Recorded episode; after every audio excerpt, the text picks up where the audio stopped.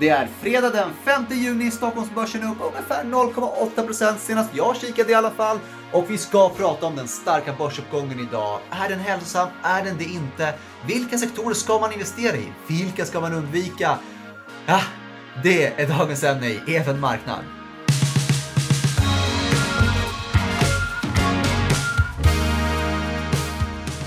Ja, nu sitter jag med Jonas Olavi och det har hänt en hel del senast du var med i EFN Marknad. Bland annat har vi fått en börsnedgång som vändes till en stark börsuppgång.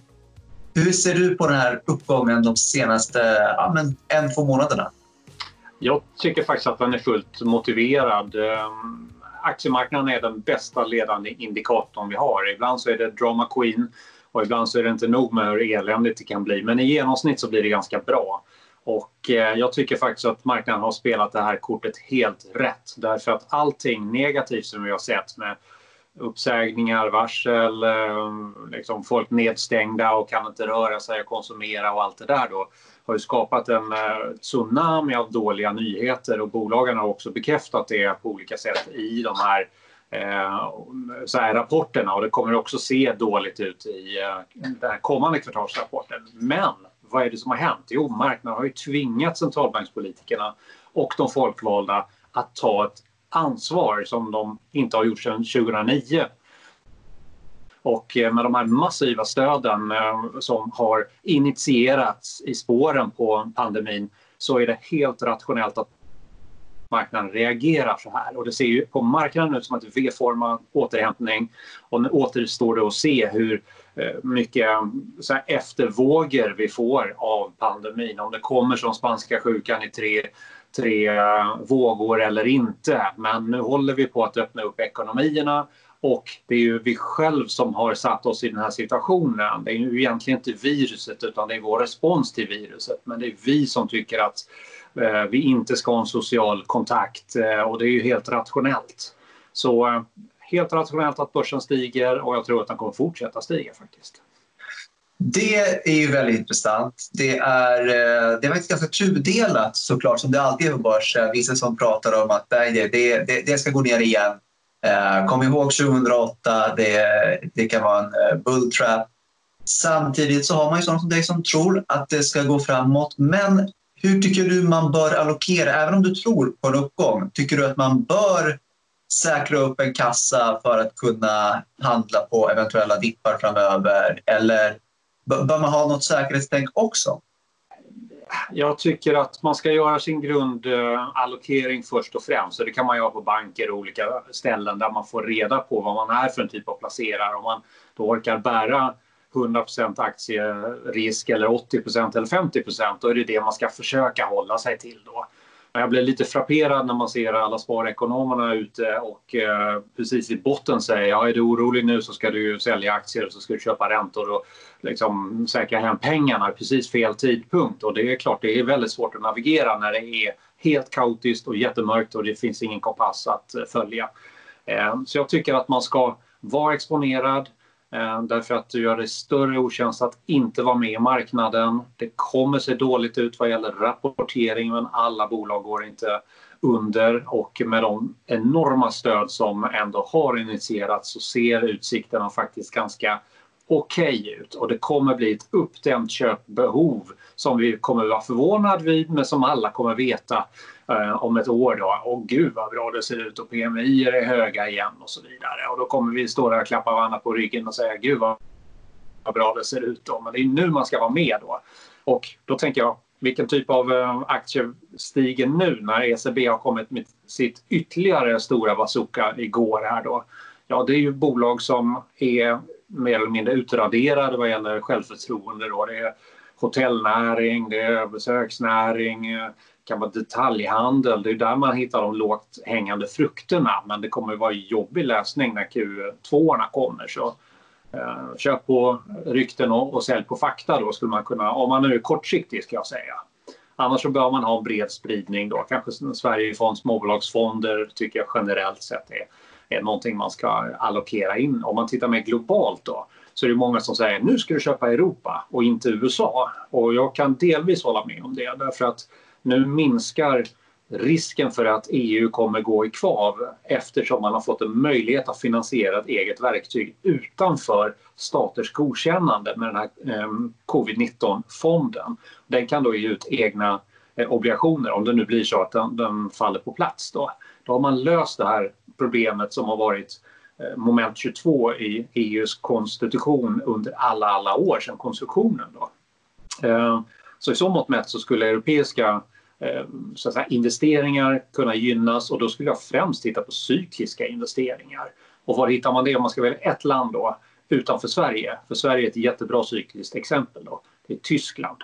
Så kan man hitta tyska investeringar, tyska fonder, tyska ETFer så kan det vara ett bra Eh, alternativ att, att eh, köpa in sig i. Om man vill skala ner på sin amerikanska exponering för att få upp lite Europa så tycker jag att man ska kvarhålla tech och eh, och läkemedelsexponering. Eh, och det kan man göra via speciella fonder, ehm, branschfonder eller via ETF. Då. Därför att med en nollräntepolitik som det är i USA så kan du diskontera vinster långt fram i tiden. Och de här bolagen har väldigt stabila kassaflöden och förtjänar en väldigt hög multipel. Då. Så liksom fundera lite grann hur de här olika eh, portföljbenen ska se ut. Då. Eh, det är väl den största hjälpen man kan ge just nu. Då. Och du pratar ju gott om eh, cykliska aktier och eh, pratar om techbolagen och Tyskland och så vidare. Men eh, vi vänder på det då. Vad är det för aktier eller investeringar du tycker att nej, det här kan man undvika om man har upp tiden? Ja, jag tycker kanske inte att eh, portföljen kommer gynna speciellt av telekomaktier. Kanske skogsaktierna eh, får en lite relativt eh, tuffare eh, utveckling därför att de är mer safe havens. De störs inte av det som eh, händer i pandemins spår utan vi behöver ringa och vi behöver toapapper och vi behöver eh, plankor för att bygga hus och allt det där. Då. Ehm, men om man då tror på ett, ett mer tillväxtorienterat ehm, så att säga, börsalternativ då är ju de här mindre cykliska bolagen kanske mindre intressanta. Då. Men det blir så där, man får ju fundera. Det finns ju såklart telekombolag som är intressanta men, men, men i mer generella termer, då, tänker jag. Men det lockar inte i telekom med den höga direktavkastningen och relativt låga värderingar. Jag ehm, är inte intresserad av direktavkastning. Jag jobbar ehm, med cykelanalys med momentumstrategier så min investeringsstrategi är helt irrelevant vad gäller direktavkastning. Jag bryr mig inte alls om det där. Då.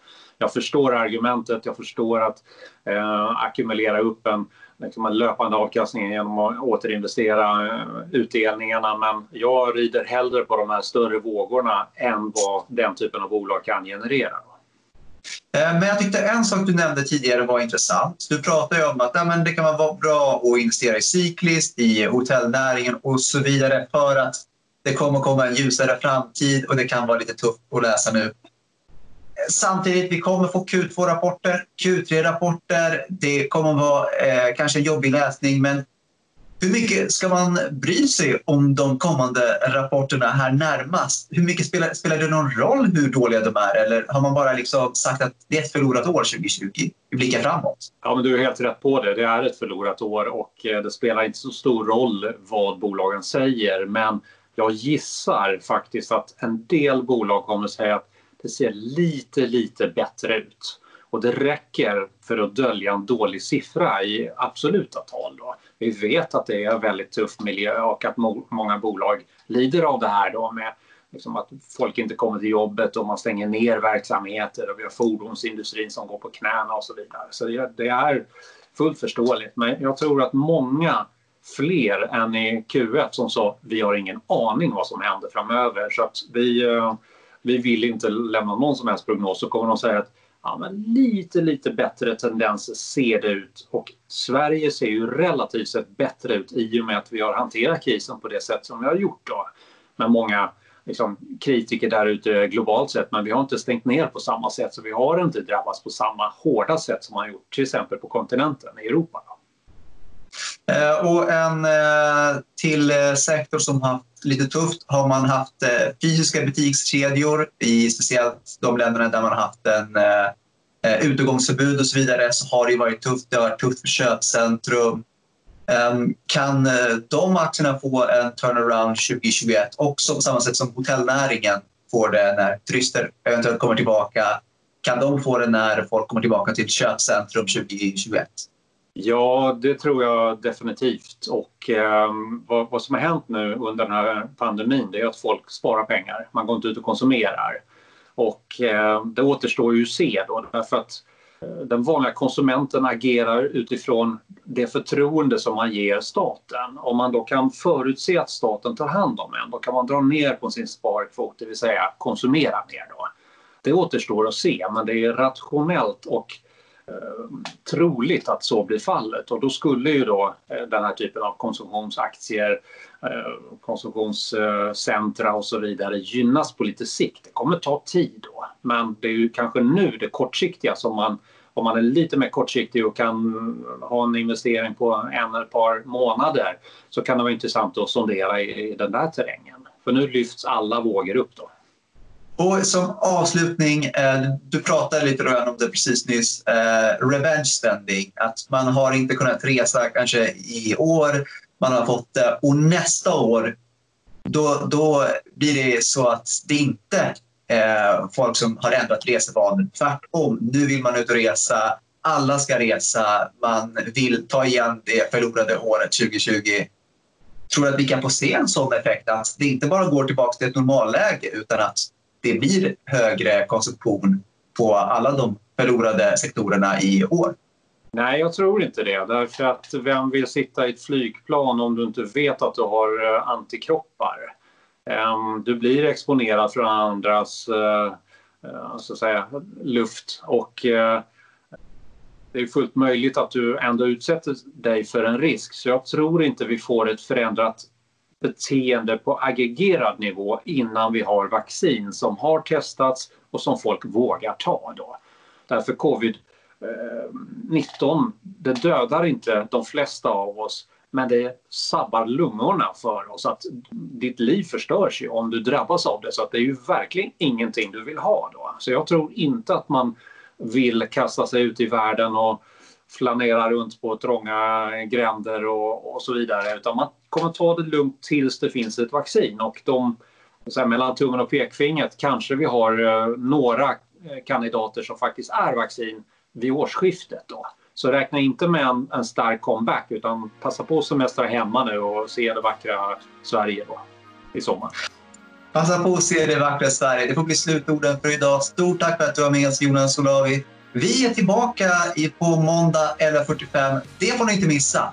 På återseende!